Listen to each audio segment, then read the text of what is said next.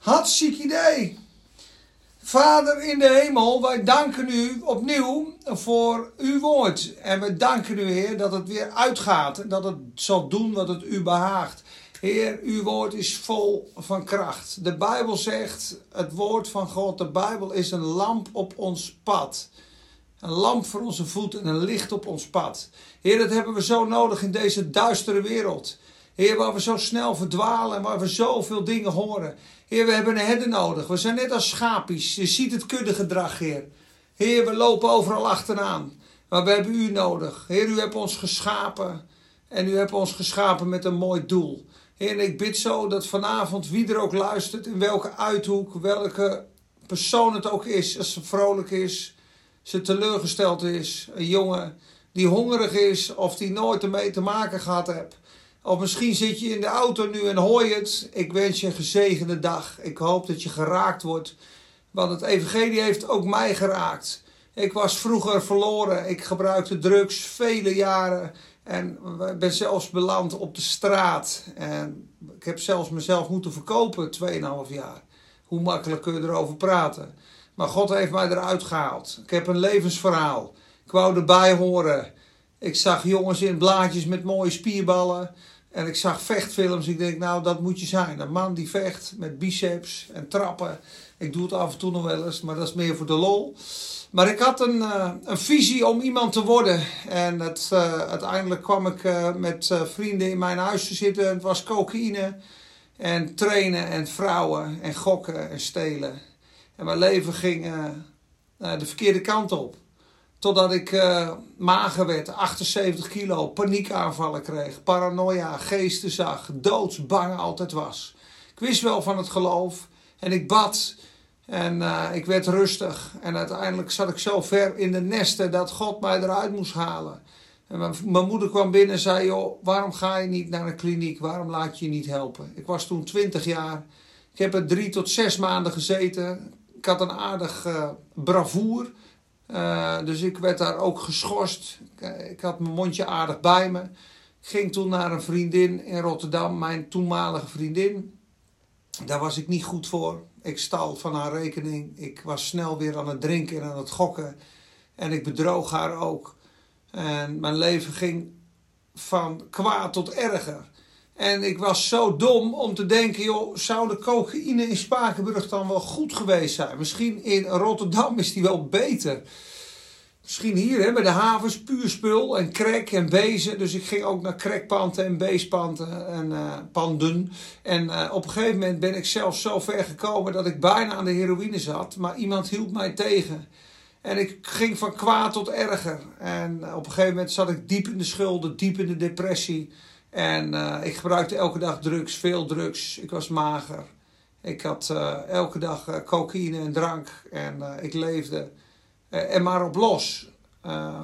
totdat ik um, vanuit het afkikcentrum ook al een aanraking gehad had van de Heer Jezus. Van een oud Penchak Silat leraar die geraakt was door het evangelie. En hij preekte over het kruis en dat raakte mij.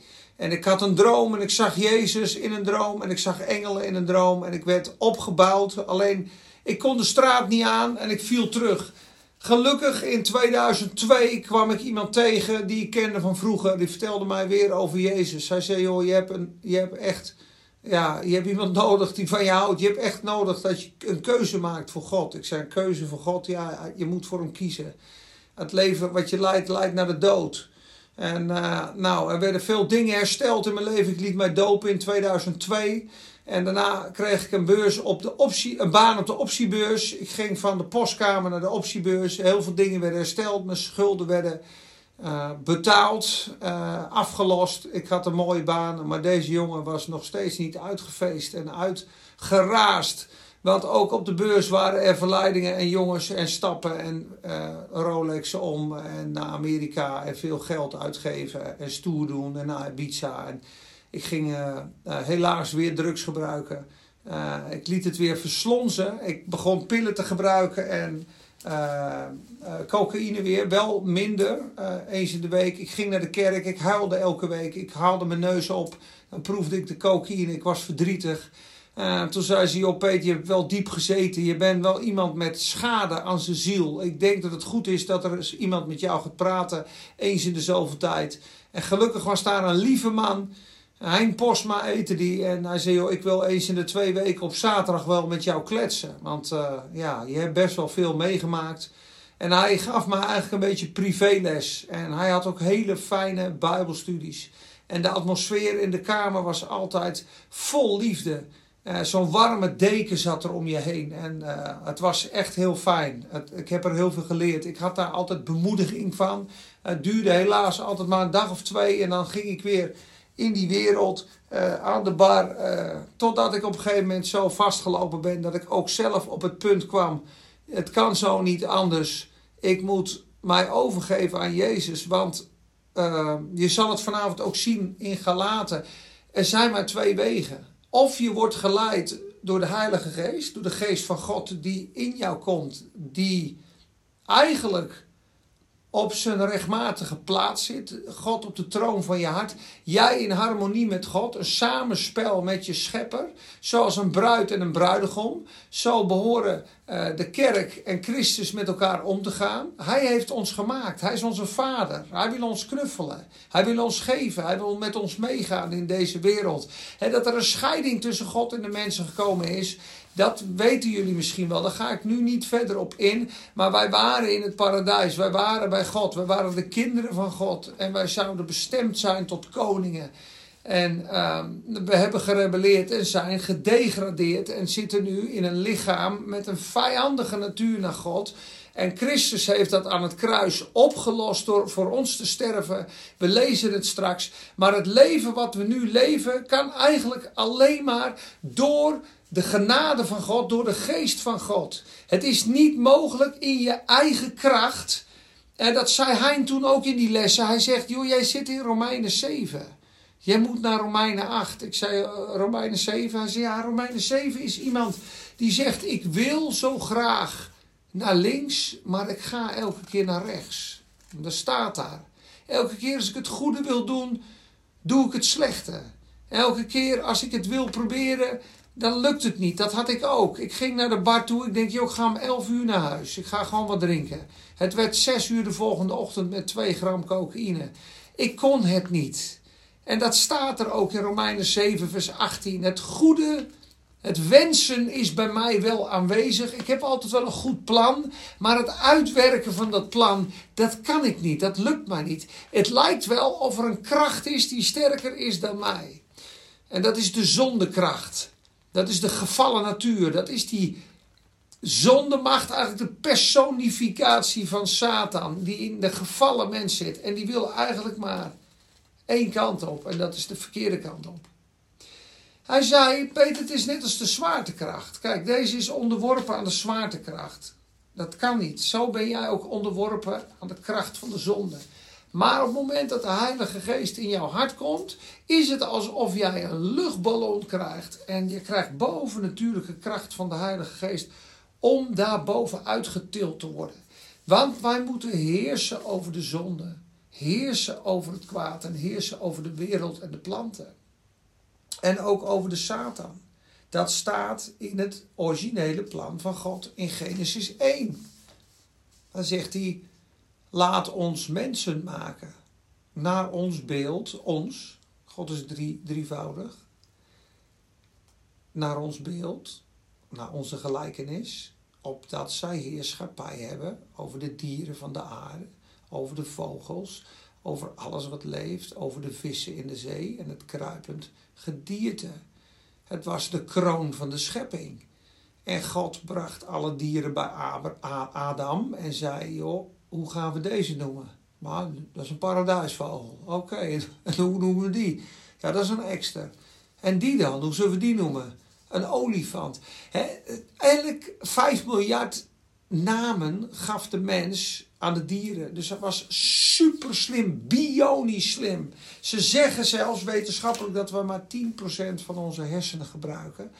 En dat wij straks hersteld worden in volle glorie en heerlijkheid. En als God zullen zijn, ehm, hoe, zul ik, hoe moet ik dat zeggen? Niet in uh, glorie en heerlijkheid, maar wel in uh, natuur. We zullen hem zien zoals hij is. En we zullen veranderen. Uh, we zullen zijn zoals hij is, want we zullen hem zien zoals hij is. We zullen straks van aangezicht tot aangezicht God zien. We komen dan weer thuis. In de hemel is ons huis, niet hier op aarde. En het is goed, mensen, om dat te beseffen. Uh, mijn, mijn strijd ging verder. Ik kreeg bemoediging van Hein Posma. En ik leerde te leven door de Heilige Geest, door de genade, door de bekrachtiging van God. Waarom is dat nodig? Omdat die zonde macht, die zonde macht in dat vlees, in dat lichaam zit. En dat is onderworpen aan de aarde. Het wordt geregeerd door zijn zintuigen, door zijn opinies, door zijn smaak, zijn reuk, zijn gevoel en je ziel. Het ruikt goed, het voelt goed, we doen het. Maar wie geleid worden door de geest van God, zullen het ware leven ontdekken. En het leven hoe God het bedoeld heeft. Daar gaat gelaten ook een beetje over. Ik hoop dat ik je kan zegenen vanavond met woorden uit het boek Galaten. En voor de christenen onder ons, Galaten waren net gered, waren vol in de genade geweest, hadden van de boodschap van Jezus gehoord. Alleen er kwamen wat Joodse mannen, wat Judaïsten binnen. En die brachten hun weer in gebondenheid onder allerlei wetten en regels. Je moet dit doen om zalig te worden. Je moet uh, je besnijden. Je moet de sabbatdagen van de Joden moet je, uh, in acht nemen. Je moet dit, je moet dat. Het is niet voldoende wat Christus gedaan heeft. En daar gingen ze prat op. Daar kwamen ze vanuit de zegen in de vervloeking. En vanuit de overwinning in het verval. Nou, Galaten gaat daarover. En ik hoop dat we een hele mooie avond hebben. Ik ga wat sprongen maken. Het zijn zes hoofdstukken. Maar zij zijn dus beïnvloed door wettische mensen, door religieuze mensen. En het verschil tussen religie en christendom is dat religie is de kracht van een mens die het met God in orde probeert te maken door zich in te spannen. En het christelijk geloof is Gods hand reikt uit naar ons en geeft ons die bovennatuurlijke kracht om zo te leven zoals we bedoeld zijn. In liefde, in licht, in heerlijkheid, met een glimlach, in overwinning, vruchtdragend, heersend over de dieren, heersend over het kruipend gedeelte, heersend over onze emotie, heersend over de situatie. Dat als wij uitgescholden worden, zelf zegenen. Dat als wij gedreigd worden, wij zegenen en liefhebben. Dat is wat Jezus bedoelde met de andere wang toekeren en de tweede mijl. We zegenen hen die ons vervloeken. We doen goed hen die ons haten. Er is geen mens op aarde die dat kan. En dat is toch de weg die God wil dat we gaan. Want God wil dat wij kampioen liefhebben worden. Dat wij Hem zo navolgen. God is liefde. En dat is het doel. Als wij het einde van het gebod staat er, is ongeveinsde liefde. Dus niet liefde zonder huichelachtig optreden uit een rein geweten. Het einddoel van het gebod. Het einddoel van het woord. Het einddoel is liefde uit een rein hart. En een onbevlekt geweten. Dat je rein voor God staat. Dat je mensen lief hebt. Het grootste gebod, mensen. Heb God lief boven alles en je naaste als jezelf. Ja, maar die, die haat ik. Ja, God wil dat we vergeven. En dat is echt niet makkelijk, maar Jezus in jou, die doet dat, die kan dat. En uh, ja, het is voor mij soms moeilijk, want ik weet niet altijd wie er luisteren. En uh, als ik in een Zoom-meeting zou zitten met acht mensen van het christelijk geloof, zou ik me misschien uh, anders uitdrukken of zou ik weten tegen wie ik wat zeg. Um, daarom is het voor mij moeilijk als jij voor het eerst luistert of je snapt niet waar het over gaat. Dan hoop ik toch dat je bemoedigd en geraakt wordt. En anders moet je het gewoon doorsturen. Maar ik richt me nu een beetje tot de christelijke broeders als Bijbelstudie en zusters om jullie op te bouwen in het geloof, in de genade van Jezus en het boek gelaten gaat er dus over dat zij de heiligmaking, dus het navolgen van God en het volmaakt worden in die liefde, uit eigen kracht weer deden. Dus ze waren gered uit genade. Ze hadden een grote zegen gehad. Ze hadden heel veel blijdschap. Ze hadden gehoord: Jezus is voor jullie aan het kruis gegaan. Jullie zonden zijn vergeven. Jullie hebben een erfenis. God is helemaal niet boos op jullie. Nee, joh, hij wil jullie adopteren. er staat in hoofdstuk 3, vers, vers 26. Eh, Want u bent allen kinderen van God door het geloof in Christus Jezus. Ze waren in Jezus gaan geloven. Want u allen die in Christus gedoopt bent hebt zich met Christus bekleed. En als u dan van Christus bent, dan bent u Abrahams nageslacht. Dus dan ben je ingelijfd in de Joodse zegeningen. En even overeenkomstig de belofte zijn jullie erfgenamen. Dus het waren erfgenamen, het waren kinderen van God. Ze waren bekleed met Christus. En toch ging het mis. En daar zullen we wat van leren vanavond. Ik begin in hoofdstuk 1. Ik ga wat sprongetjes maken. Ik begin in vers 4, of vers 3, bij het aanhef van de brief. Genade zij u en vrede van God de Vader en van onze Heer Jezus Christus.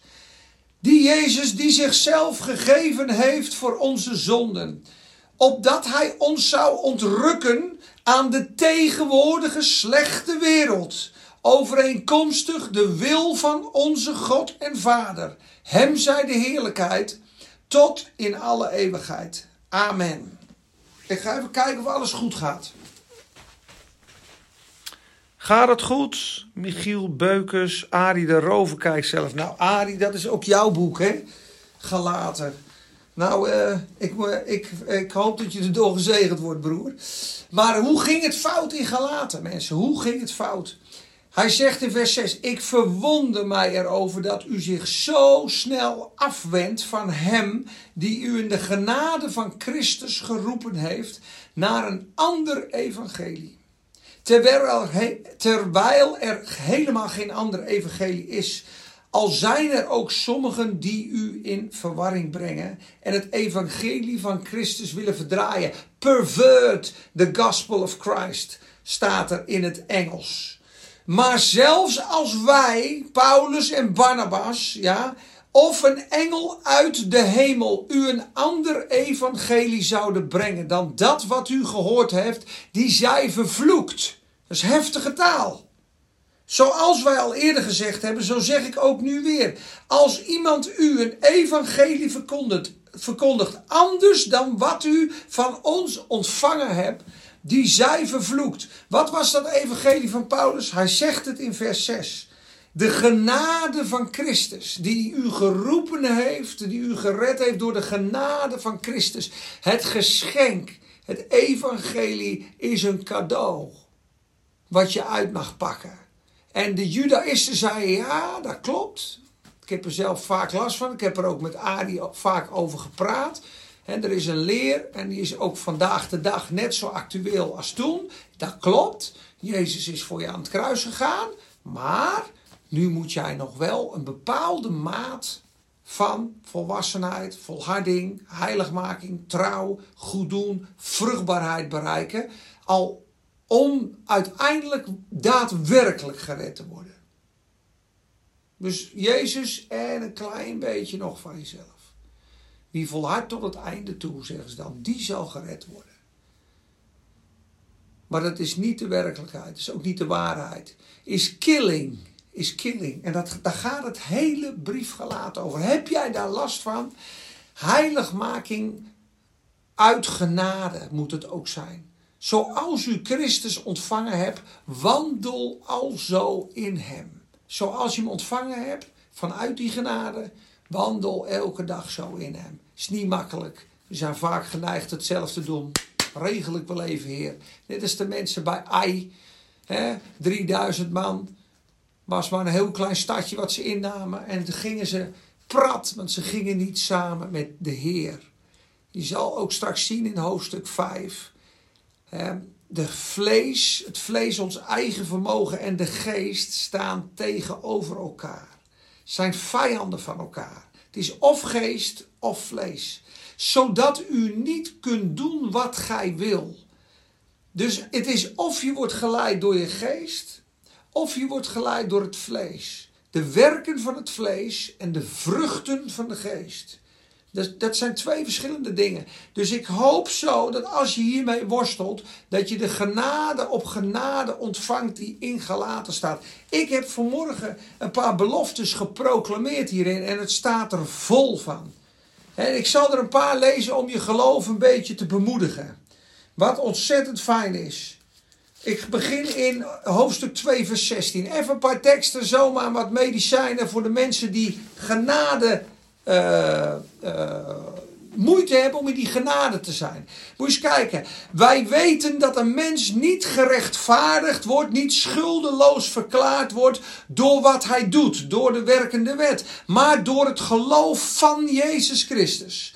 Ook wij, Paulus, zijn in Christus gaan geloven, opdat wij gerechtvaardigd zouden worden uit het geloof van Christus en niet uit de werken van de wet. Immers, uit de werken van de wet, uit jouw eigen inspanningen, zal geen mens worden gerechtvaardigd, schuldeloos gesteld door God. Vers 19. Want ik ben door de wet te houden voor de wet gestorven, opdat ik voor Christus zou leven.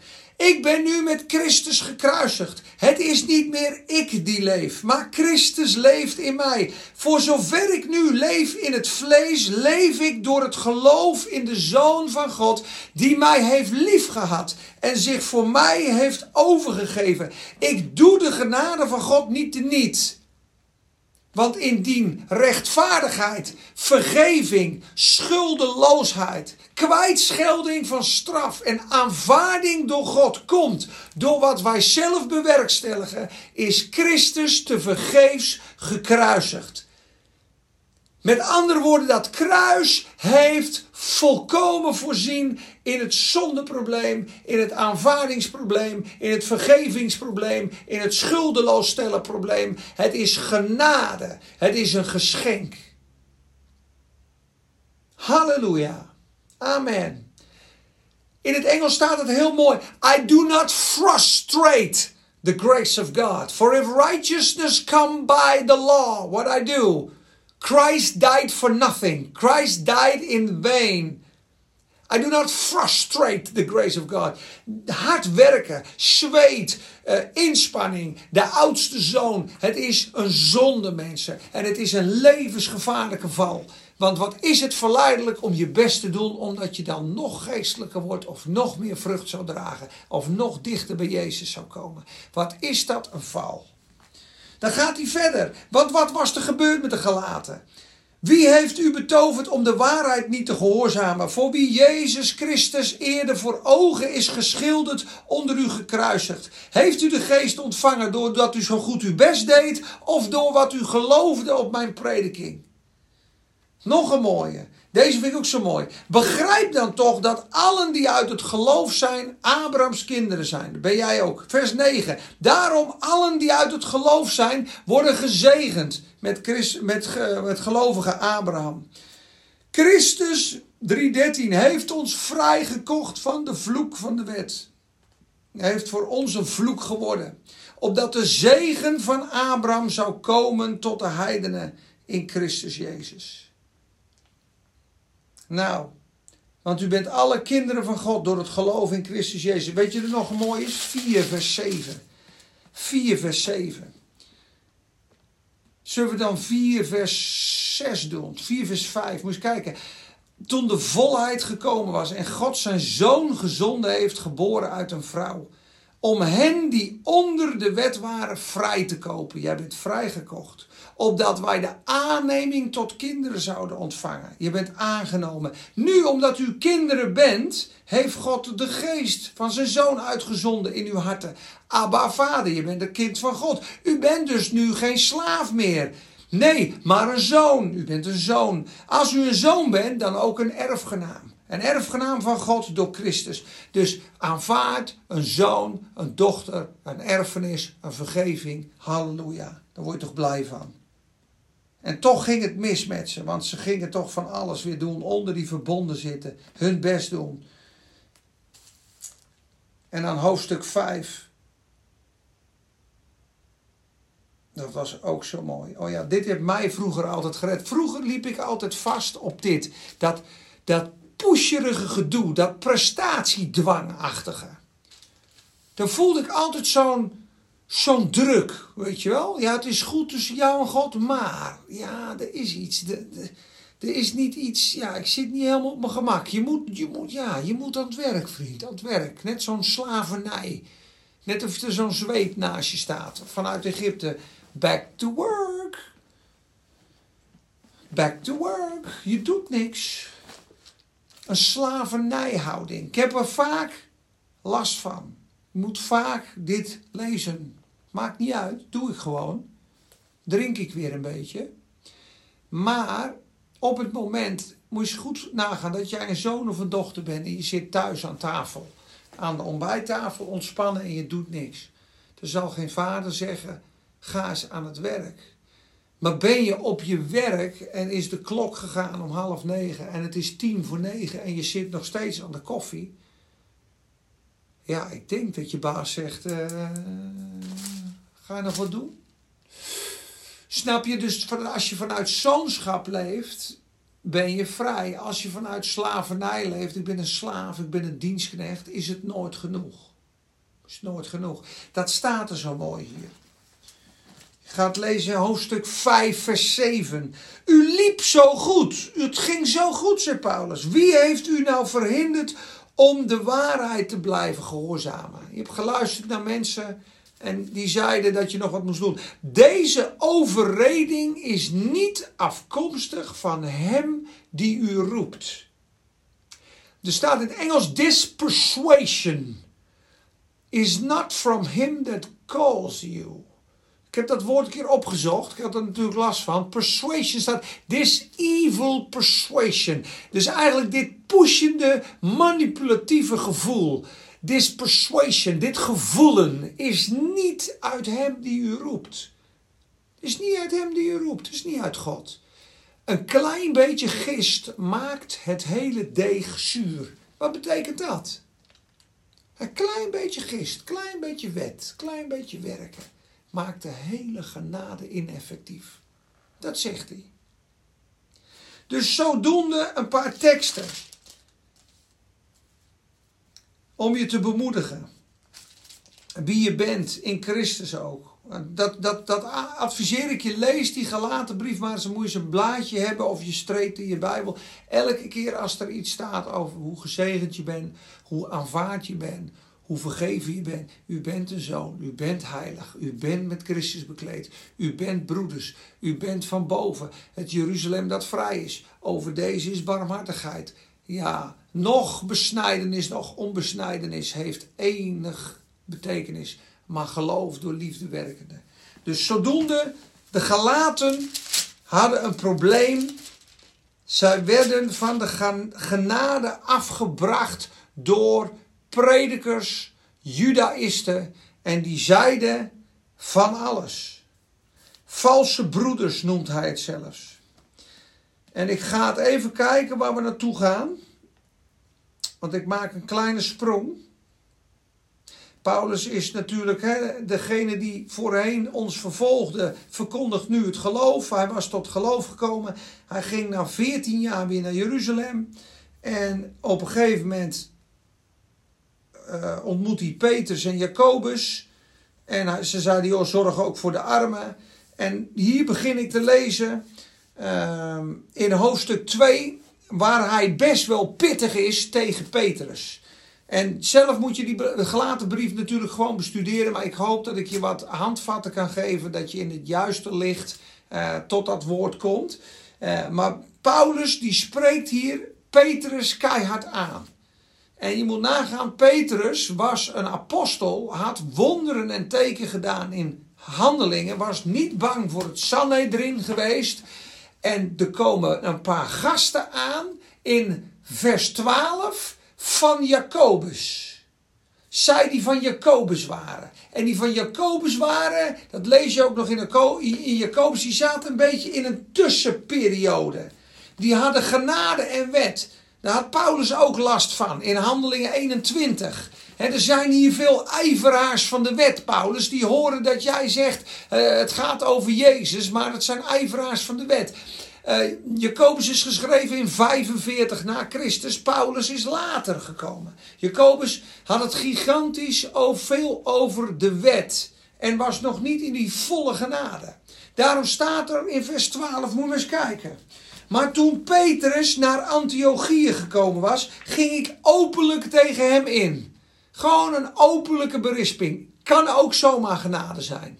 Petrus, luister eens even. Ik neem je even apart. Dit is niet helemaal goed wat je doet. Nee, Paulus was het zat. Hij zei, joh, moest kijken wat hij zegt. Want voordat enkelen uit de kring van Jacobus gekomen waren, die droegen iets bij zich. Dat waren judaïsten, die zaten nog in die Joodse gebruiken, in die Joodse wet. En Petrus voelt die atmosfeer van die gasten. En die denkt, goh, er komen een paar jongens van Jacobus aan. Dat zijn Joodse mensen die doen al die Joodse gebruiken. Weet je wat ik doe? Ik ga aan een andere tafel zitten. Hij huigelde, noemt Paulus het, en ging gauw bij de Joden zitten te eten. En Paulus die is daar super fel tegen. Die zegt, eerst at hij samen met de heidenen, maar toen zij kwamen, die kring van, eh, enkel uit de kring van Jacobus trok hij zich terug en zonderde zich af uit angst, uit vrees voor hen die van de besnijdenis waren.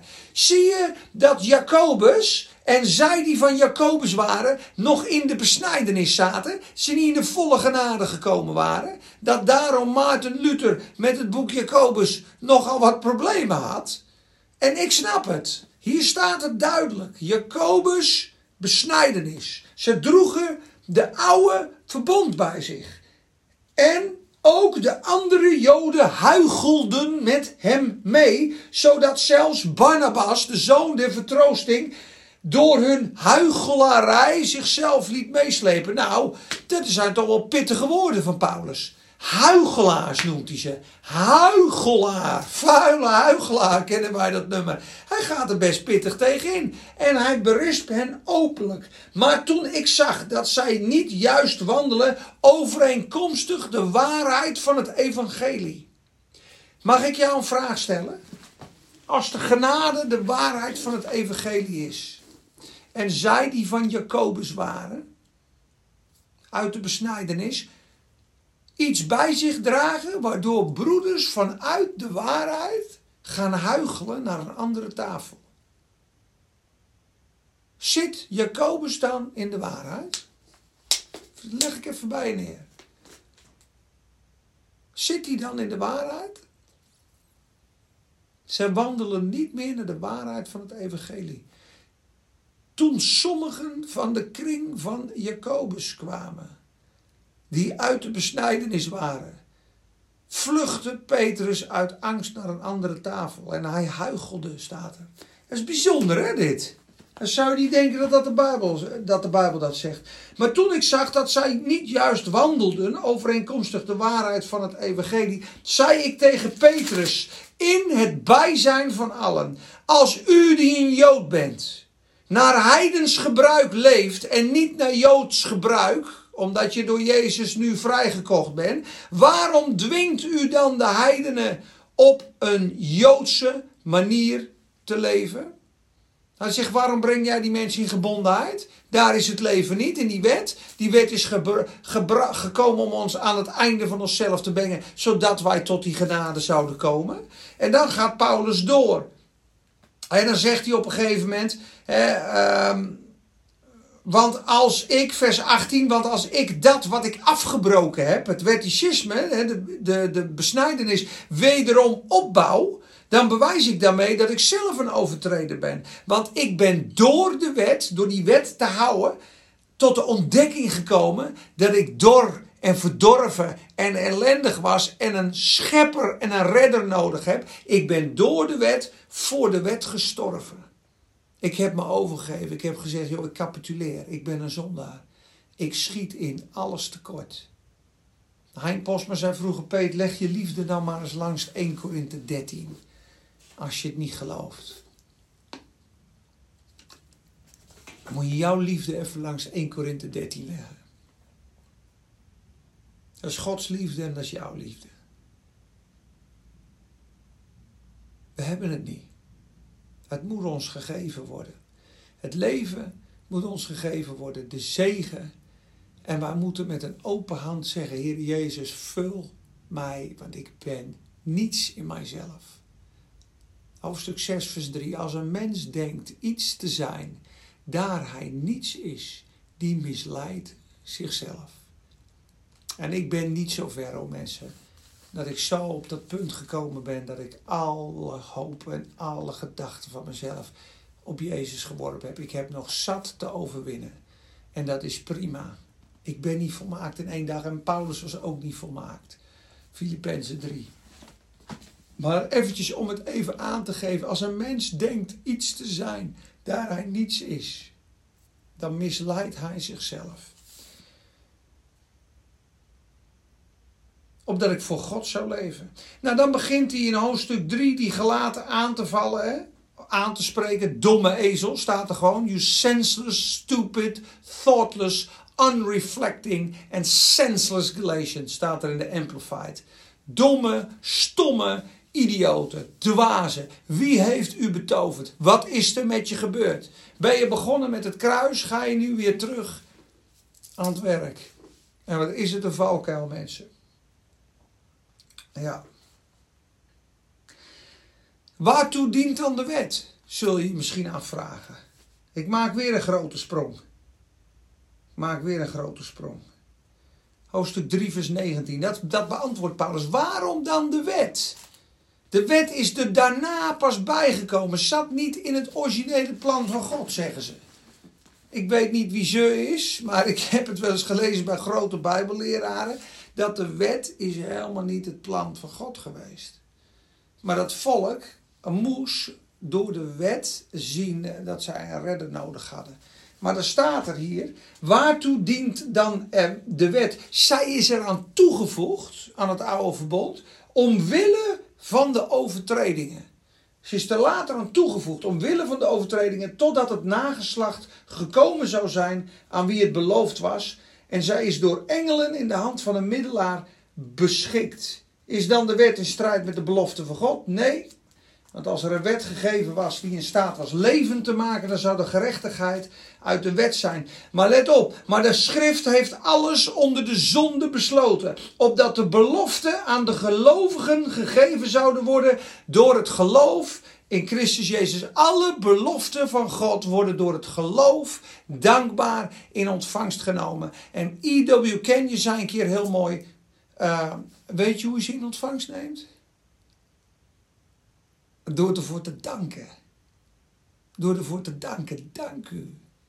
Ik ben gekocht. Dank u. Ik ben betaald. Dank u. Ik ben gezegend. Uit genade. Door het geloof. Halleluja.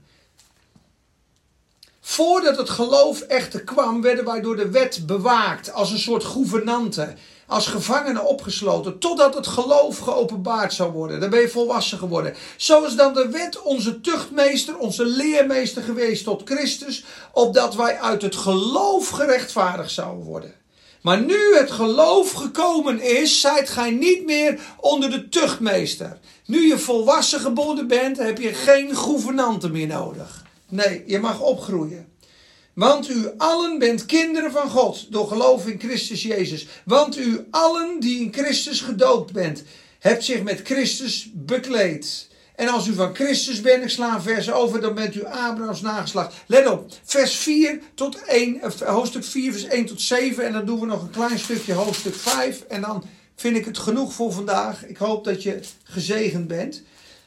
Niet langer slaaf, maar kind, slaat erboven. We moeten opletten wat er staat. Mooi hè? Ik zeg echter, zolang de erfgenaam een onmondig kind is, verschilt hij niets van een slaaf, daar hij een meester is van alles.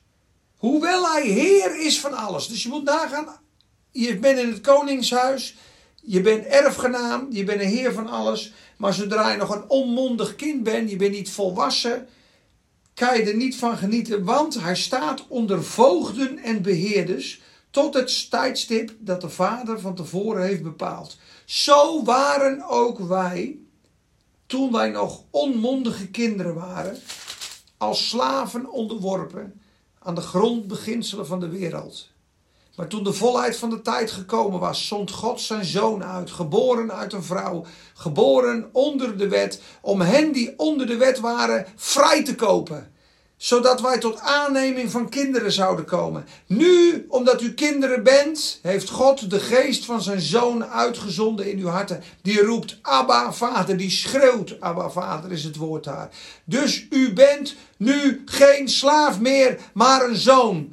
Geen slaaf, maar een zoon. Zeg het maar hardop in de kamer. Ik ben geen slaaf, maar een zoon. Ik ben in Christus geen slaaf, maar een zoon. Ik ben een dochter geen slaaf. Ik ben een erfgenaam.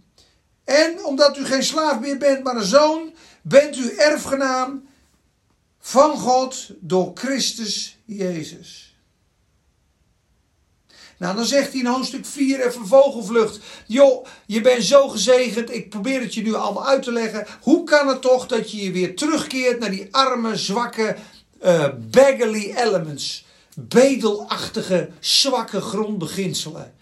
Ze zeggen daar eigenlijk dat uh, Isaac krachtig en sterk was. Isaac staat voor genade, liep met zijn vader met hout die berg op. En Ismaël was zwak in de woestijn onder een struik. Weak and beggarly. De wet neemt je vreugde weg. Allen die zijn van de werken der wet, hoofdstuk 3 vers 10, liggen onder de vloek en zijn gedoemd tot falen in mislukking, staat er in de Amplified Bible. Are doomed to disappointment and destruction. En daar staat dus allen die het van de wet verwachten, allen die de wet houden. Niet breken, dat is het gevaar daar. Wij denken, op het moment dat we de wet breken, gaat de vloek in werking. Nee, op het moment dat we de wet houden, gaat de vloek in werking. Huh? Ja. Allen die uit de werken der wet zijn, allen die hun vertrouwen stellen op de wet, op hun eigen inspanningen, liggen onder de vloek. Staat ook in Jeremia 17 volgens mij. Vervloekt is de man wiens vlees tot zijn arm stelt, wiens hart van de Heer afwijkt. Dus op het moment dat je God niet nodig hebt en de, de Bijbel gaat doen zonder Jezus, zonder een relatie, komt er een vloek in je leven. Word je uitgedroogd, zit het leven gaat eruit. Het brengt de dood. De letter dood, zegt de Bijbel. De geest maakt levend. En dat is het wonder van die bevrijding is wandelt in de geest, dan zul je de begeerte van het vlees niet volbrengen. Hoofdstuk 5, 16. Maar hij zegt dus, joh, wat is er toch gebeurd? Heb ik me dan voor niets ingespannen? U bent bezig met dagen, maanden, jaren. U bent weer keihard aan het werk. En ik, toen ik bij jullie kwam, waren jullie zo gezegend. Ik was heel zwak. En je was in staat om je ogen uit te rukken en aan mij te geven. Ik had een, een verzoeking die in mijn vlees geschiedde. En weet je wat het is? Mijn lieve kinderen, opnieuw ben ik in barensnood voor u, totdat Christus een gestalte in u krijgt. En dan gaat hij uitleggen, Hagar en Sarah, dat zijn twee verbonden. Lees dat zelf maar even. U die onder de wet wil zijn, weet u niet dat uh, de Bijbel dat zegt. Uh, uh, hij heeft twee zonen. Ga ik je nog een leuk geheim vertellen. Lees even Genesis. Ga naar dit stuk naar de verwijzing. En kijk even of God zegt dat Abraham twee zonen heeft. Neem nu uw zoon, uw enige zoon, die u lief heeft. Neem nu uw zoon, uw enige zoon, die u lief heeft. God ziet alleen wat uit de geest geboren is. Zag je dat? Bijzonder hè? Kruiden bij als bonus. Hartstikke idee. Werpt uit de dienstmaagd en in de woestijn. Dit was zeer moeilijk voor Abraham, staat er in Genesis. Werpt die wet helemaal weg. Los ervan. Ja, maar ik moet er aan vasthouden. Ik weet nog wel dat ik het voor het eerst las. Bevrijd mij van de wet. Ik was helemaal aan het schudden. Romeinen 7, vers 6. Bevrijd mij van. Nee, bevrijd mij van de wet. Ja, dat kan, dat kan je niet. Nee, dat kan je niet bidden. Dat kan niet. Dat kan nooit waar zijn. Bevrijd mij van de wet. Die wet moet je houden, man. Houd toch op. Ben je bevrijd van de wet. Dit is, dit is, Dit is kolder, dit is misleiding, dit is, dit is valse leer. Kijk maar eens. Maar nu zijn wij ontslagen van de wet. Gestorven aan dat waaraan wij vastgebonden zaten. Now are we delivered from the law. Delivered from the law. Ik kon het niet eens lezen. Mijn hoofd kon het niet eens aan. Mensen, bevrijd van de wet. Daarom werpt die dienstmaagd en haar zoon in de woestijn, ze Sarah. Want ze zal niet met de belofte erven. Weg met dat wetticisme. Weg met dat vleeselijke inspanning. Opzouten, de woestijn insturen. Ja, dat klinkt wel heel apart, hè? Dit was zeer moeilijk voor Abraham om te doen, want het was iets wat hij voortgebracht had. Maar had het voortgebracht niet met God, maar uit angst. En Sarah had gezegd: Joh, ik ben oud, we doen het niet meer, die baarmoeder is kapot. Pak gewoon Hagar, regel het zelf even. Ismael Ministries. Halleluja. Ik vind het wel goed zo. Ik denk dat je genoeg leest, uh, genoeg weet nu. Hoofdstuk 5, heel erg mooi. Hoofdstuk 2, vers 16 begint hij die, die, die genadeboodschap te brengen. Hoofdstuk 3 tackelt hij iets. Hoofdstuk 4 tackelt hij iets. Hoofdstuk 5 tackelt hij iets. En dan komt het uitwandelen daarvan. En dan de vrucht van de geest. En dan draagt elkanders lasten. In hoofdstuk 6 uh, uh, dwaalt niet. En dan dat laatste vers, jongens. De genade van onze Heer Jezus Christus zij met uw geest. Heb ik al vaker gezegd. Waar proef je, ervaar je de genade in je geest? Niet in je ziel, niet in je denken. Vanuit de geest kan je wel gigantisch genieten in je ziel. Maar als je maalt in je ziel, in je gevoel en je voelt je niet lekker, daar is de genade niet op gebaseerd. En het is een strijd voor ons allemaal. Uh, sommigen zijn er ver in geklonken. Ik ben er soms in en soms niet in. Ik zoek ernaar, ik bid ervoor. En ik wens het jou ook toe. Een rijk, geestvervuld leven als zoon en dochter van God. In de zegen van God. In de geest van God. In de kracht van God. In Jezus' naam. Weg met het wetticisme. Weg met de betovering